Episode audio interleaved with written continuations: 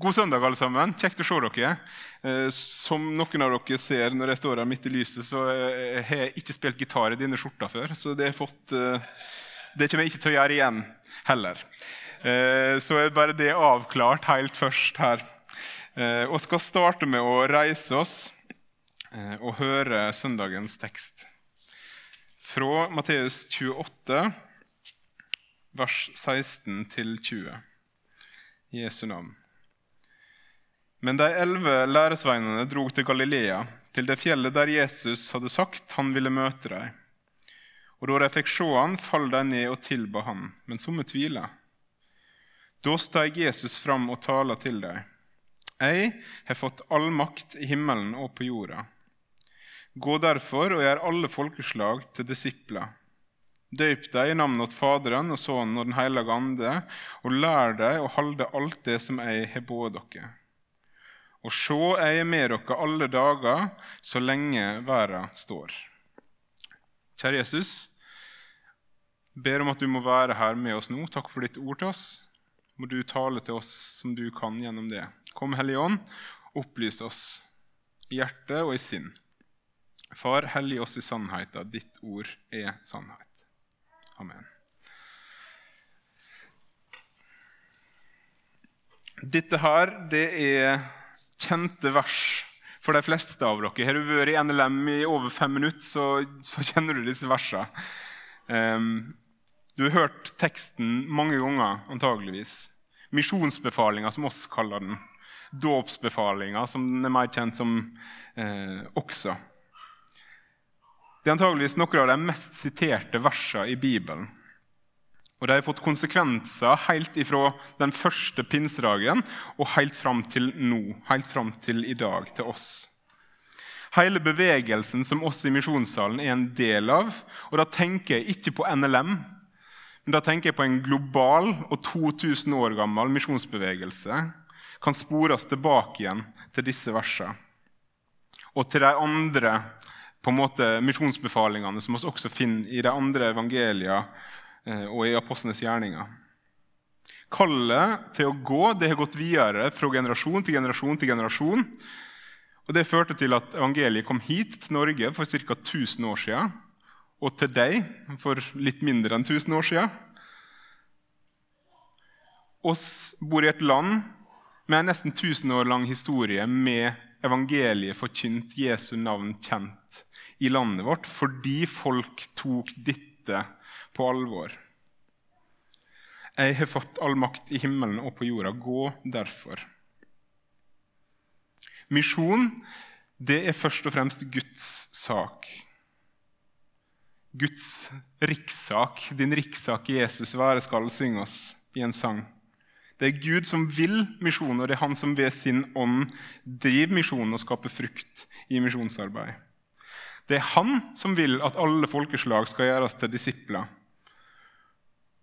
Og forteller Bibelen oss, det er han som kommer til å gjøre det.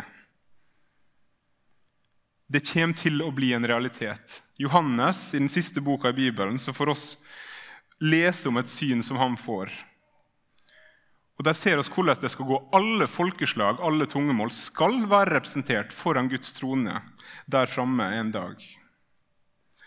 Disipler gjort av alle folkeslag skal prise Gud i hans rike. Det skal skje. Gud skal gjøre det. Gud skal. Jeg siterte en sang allerede, og jeg skal sitere en sang til. Eh, litt andre grunner til at jeg siterer denne. Det er en sang i sangboka som jeg egentlig likte ganske godt når jeg var liten, selv om den gikk i mål. Eh, men som jeg har likt dårligere og dårligere jo eldre jeg har blitt. Og det er sangen 'Verda trenger Kristus'. Og hvis du ser på de tre ordene isolert sett, så er ikke det, altså det er helt sant. Verda trenger Kristus. So far, so good. Det kunne ikke starta mer rett og sant enn det. Er det noe verden trenger, så er det Kristus. Men så kommer neste strofe, og Kristus trenger deg. Kristus trenger deg. På hva måte da, i så fall? Trenger han meg? Er han avhengig av meg for at hans gode vilje for verden, uttalt i denne søndagens tekst, og profetert både i Det gamle testamentet og ved oppfyllelsen som vi får et glimt av i det nye. Er han avhengig av meg for at det skal oppfylles? Er det meg det hviler på? Kristus trenger deg. Har jeg ei slik makt at hvis jeg ikke blir med, da skjer ikke dette? Da vil ikke alle folkeslag nås med evangeliet. De vil ikke få høre om Jesus, de vil ikke bli gjort til disipler. Nei, Gud vil at alle folkeslag skal få høre om Jesus og gjøres til disipler. Og Guds plan den kommer til å lykkes. Johannes han fikk et syn. Paulus han skriver hvert kne skal bøye seg, og hver munn skal bekjenne at Jesus Kristus er Herre til Gud Faders ære. Så verden trenger Kristus, men Kristus trenger ikke deg eller meg. En kompis av meg, politimann, hadde andakt på, på Fjellhaug for mange år siden. For bibelskolen og oss høgskolestudentene som, som, ville møte opp. Og I andakta si så sa han det så deilig som dette her. Jesus trenger deg ikke, men han vil veldig gjerne ha deg. Han vil veldig gjerne ha deg. Så frigjørende og godt. Gud trenger ikke meg eller deg Samtidig som Gud ikke trenger meg eller deg, så er dette paradoksalt nok sant. Gud har valgt å bruke mennesket for å bringe evangeliet om Jesus videre. Befalinga ble gitt til de elleve, men den er også gitt til oss. Og den er gitt til generasjonen før oss, som bringte evangeliet videre til nettopp oss. Befalinga 'gå, gjør disipler'. Men ikke i egen kraft, ikke alene og ikke med det ansvaret som strofa 'Vær trenger en Kristus, og Kristus trenger deg' tyder på. I en av de andre misjonsbefalingene vi finner i Nye testamentet, så kobles befalinga tett opp mot løftet om Den hellige ånd som skal bli gitt. I Apostlenes gjerninger så står det dere skal få kraft når Den hellige ånd kommer over dere. Og dere skal være mine vitner. Og uten Han, uten Den hellige ånd, så hadde det vært ganske nytteløst det arbeidet som disiplene gjorde, og som også oss skal gjøre. Det hadde vært ganske nytteløst å stå her og si en masse ord ut i lufta.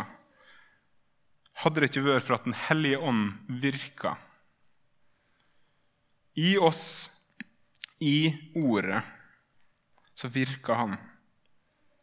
Han, livgiveren, er tross alt den som kan skape tru og nytt liv i Kristus. Det er ikke jeg med min overbevisningskraft eller mine ord som skaper det. Nei, det er Den hellige ånd. Og så har jeg fått et budskap å gå med, men han er den som skaper liv og driver til omvendelse. Jeg kan være aldri så energisk. Er ikke Den hellige ånd der og virker slik som han skal, og slik som han gjør, så er det helt nytteløst. Og det er sant om misjonen er aldri så mikro eller nær. For min del, f.eks. Jeg vokste opp i en heim der bønn og andakt, Bibel, har vært en del av tilværelsen siden før jeg kunne huske det. Men likevel er det ikke mamma eller pappa som har gjort meg til en kristen i en alder av 31 år. Misforstå meg rett, de har vært enormt viktige for at jeg er det. Men uten Den hellige ånd så hadde det også vært nokså nytteløst. De kunne hatt så mange husandakter de bare ville.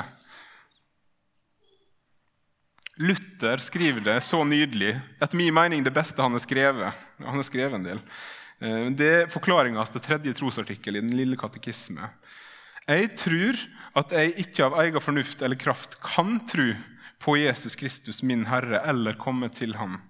Men Den hellige ånd har kalt meg ved evangeliet, opplyst meg, helliggjort meg og holdt meg fast i den sanne tru. Mamma og pappa de bar meg til dåpen, der jeg ble døpt til Faderen, Sønnen og Den hellige ande sitt navn. Men Ånden skapte tru på Kristus, liv i Kristus. Som så stadig har fått næring fra Guds ord, som stadig har fått vokse seg sterkere ved at andre mennesker har vist meg nettopp til Kristus. Og Den hellige ånd har fått virke i det. Men hvis det ikke er sånn at det er avgjørende for om Guds plan skal lykkes eller ikke, at jeg er med, hva er vitsen med at jeg er med da? Hvorfor skal jeg gidde? Hva er vitsen med at jeg er med i misjonsarbeid? Hvorfor skal jeg tenke at misjonsarbeid er viktig? Jeg tror svaret, eller i alle fall et svar, ligger i det jeg allerede har sagt, og i teksten som også er lest. Det er Gud som står bak, og som driver alt dette. Det er hans rikssak. Det er han som vil misjonen. Jesus understreker i starten av det han sier, at han er herre. Han har fått all makt i himmel og på jord. Gå derfor. Hvordan kan oss da, som er hans kirke, ikke tenke at misjon er viktig? At misjon ikke er noe vi skal være med på? Når vår Herre han som har vist seg som herre over alle makter og herredømme, han som vant over selve døden og åpna veien inn til Gud. Når han sier 'dette er det jeg vil dere skal gjøre', da kan oss ikke annet.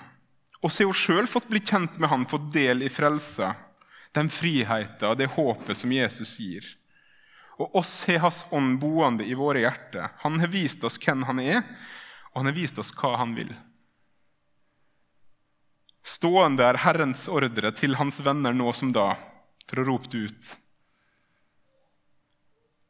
Litt eldre tekst, Paulus, skriver Kristi kjærlighet tvinger oss. En amerikaner som heter John Piper, konstaterer at det bare finnes tre muligheter for et menneske i møte med misjonsbefalinga. Du går, du sender, eller du er ulydig mot Guds bud. Altså, du går, du er med å sende, eller så gjør du ikke det som du skulle gjøre, det du er her for å gjøre. En annen teolog har sagt at kirka eksisterer ved misjon på samme måte som en flamme eksisterer ved å brenne. Hvis flammen ikke brenner, så er det ikke en flamme lenger. På samme måte er det med kirka. Hvis oss ikke driver misjon, da er oss heller ikke lenger ei kirke i ordets rette forstand. Misjon det må være viktig for oss fordi det er så viktig for Gud. Ordren var gitt, og den er blitt gjentatt såpass mange ganger i Det nye testamentet at du skjønner at her er det et eller annet viktig. Det er noe av det siste, det er ikke det siste, men det er noe av det siste som skjer før Jesus reiser Siste ordre fra hovedkvarteret, sa Keith Green, som var eh, en kristen artist på, på 80-tallet. Gud han har valgt å bruke mennesket. Oss er Guds folk. Oss er de mennesker som han har valgt å bruke. Med alle våre svakheter og usikkerheter. Ikke fordi oss var perfekte for jobben, men han vil bruke oss Misjonen er Guds sak, og derfor er den også vår. Han sier, 'Jeg har fått all makt i himmelen og på jorda. Gå derfor.' Han er seierherren. Han er Herren. Hans navn, som disiplene sier når de blir bedt om å holde kjeft, er det eneste navnet en kan bli frelst ved. Vi kan ikke slutte å snakke om dette, svarer de for det fins ikke noe annet navn. Det fins ikke noe annet navn som mennesker kan bli frelst ved. Og den frelsa vil han og skal han gi til alle folkeslag. Og derfor går oss. Og så rammes teksten så fint inn av avslutninga. Og jeg er med dere alle dager inntil verdens ende, eller så lenge verden står. I går når jeg talte på lørdagsgudstjenesten, så la jeg fra Johannes 14.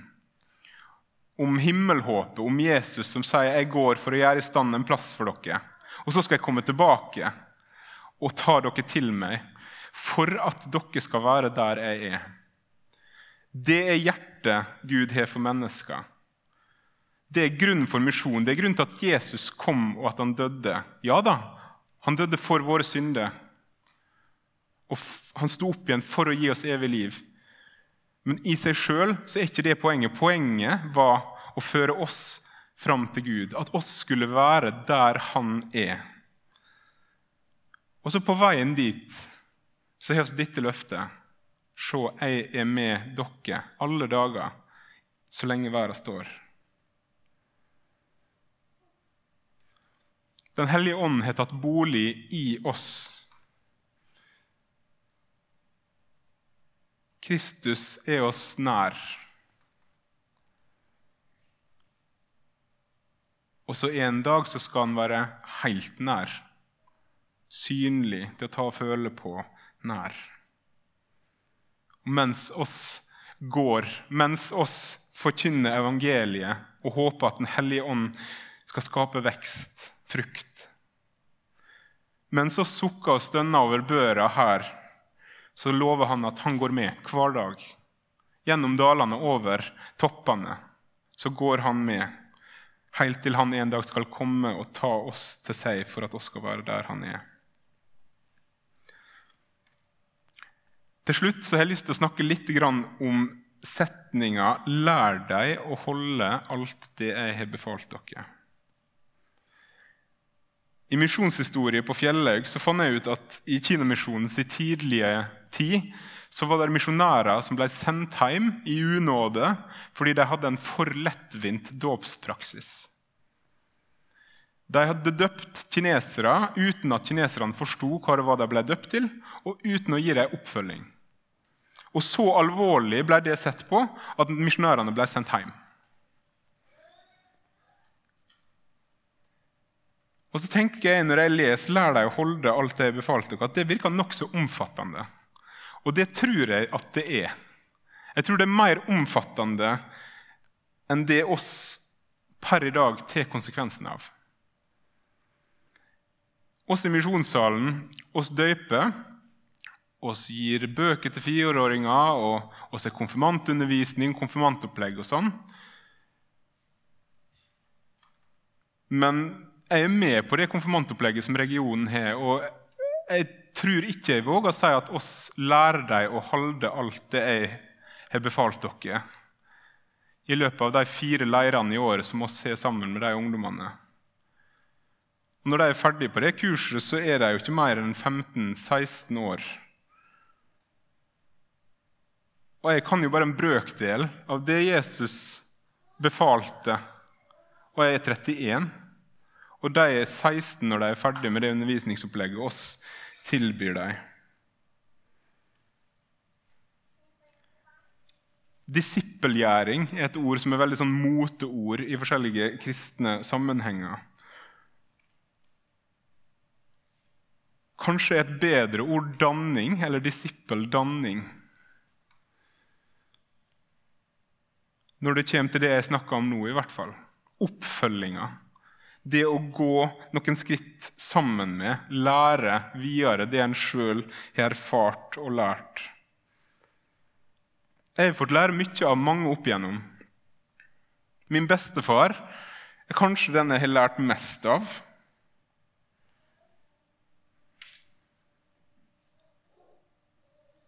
Det handler nesten utelukkende om praksis, ikke om teori.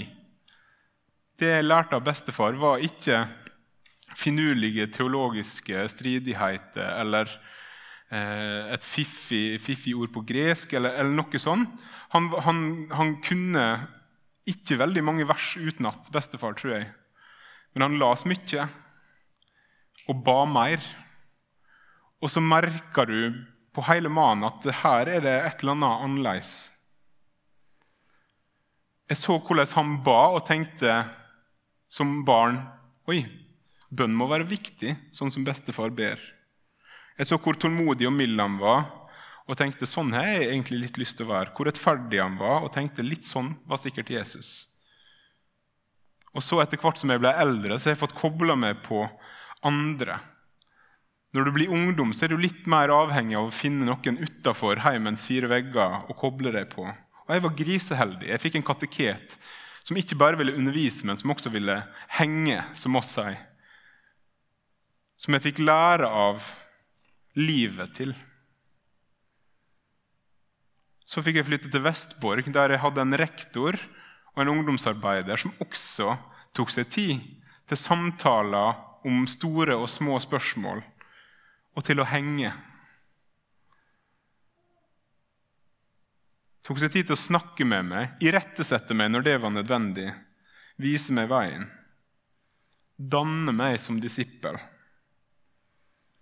Også seinere på Fjellhaug og her i Misjonssalen så har jeg vært heldig og kanskje også da litt bevisst på å koble meg på folk, eldre forbilder som jeg kunne lære av. Men jeg tror dessverre at mange, og spesielt unge fra min generasjon og de som er yngre, savner noen å lære av, noen å gå noen skritt med. Noen å komme hjem i stua til å drikke en kopp kaffe. Og bare få speile seg i noen som har gått noen skritt lenger. Noen år eldre. Litt klokere, antageligvis, forhåpentligvis enn det de er sjøl. I hvert fall noen erfaringer rikere, både i sitt liv med Jesus og i livet generelt. Kanskje det er noe vi skal bruke sommeren på å tenke over om det er noe vi kan gjøre noe med. Kan oss imøtekomme Jesu kall, Jesu befaling til oss i det leddet der på en enda sterkere, enda bedre måte? Kanskje skal du i høst, hvis du ser en på 30, 25, 20, si du må bare komme hjem på en kopp kaffe til meg etterpå hvis du vil. Eller du kan komme til en av oss som jobber her og si jeg vil, jeg vil gjerne være medvandrer hvis det er noen som har behov for det. Men jeg har veldig tro på det uformelle. jeg altså. På det å åpne livet sitt, heimen sin, for noen uten å ha en eller annen merkelapp, men bare som en moden kristen som har lyst til å vise omsorg og vise litt veien til en som har gått noen kilometer kortere på livsveien og trusveien.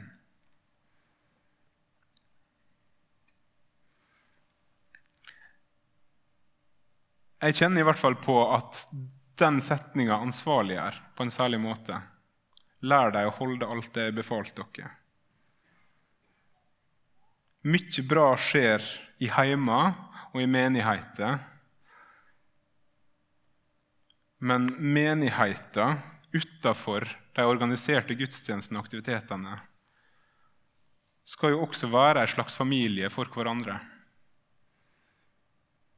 Noen eldre søsken, noen yngre. Kanskje det er noe vi kan ta med oss når vi reflekterer både over denne teksten her og over året som ligger foran oss, skoleåret som ligger foran oss fra høsten av. Er det noen som jeg kunne bare invitert på en kopp kaffe? Starta der. Og så Se om det kunne vokse fram en relasjon som kunne bli til velsignelse og glede for begge to, tror jeg, men kanskje særlig da for den unge. Vi ber til slutt. Kjære Jesus, takk at du kan og vil bruke oss til å nå mennesker med ord om deg. Takk at ditt hjerte banker for folkeslaget og for mennesket. Takk at oss har fått høre om deg fordi folk tok befalinga som du ga på alvor så ber jeg om at du må vise oss i våre liv hva denne befalinga betyr for oss der oss er på livsveien nå. Så lenge oss er her, Jesus, så vil du noe med oss. Må du vise oss hva det er i våre liv som kristne mennesker her også satt. Takk for at du ikke trenger oss, men vil ha oss. Takk, Hellige Ånd, for at det er du som skal overbevise om synd, at det er du som skal drive til omvendelse, at det er du som skal skape liv og skape tro. Og takk for at du gjør det. Så ber jeg oss om at vi må få se det i enda sterkere grad her i Oslo og ute i verden. At mennesket kommer til tro på Jesus, det eneste navnet som en kan bli frelst ved. I ditt gode navn, Gud. Amen.